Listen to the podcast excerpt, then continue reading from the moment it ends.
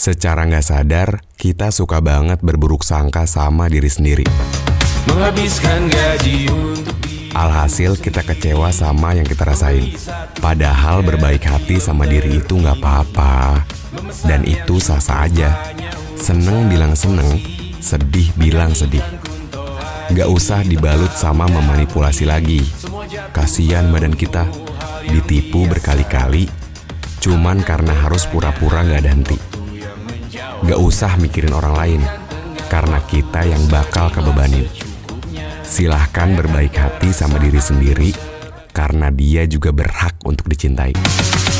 Hidup bukan untuk saling mendahului Bayangan yang diciptakan oleh mentari Adakah karena matahari bermaksud terpuji Untukmu cinta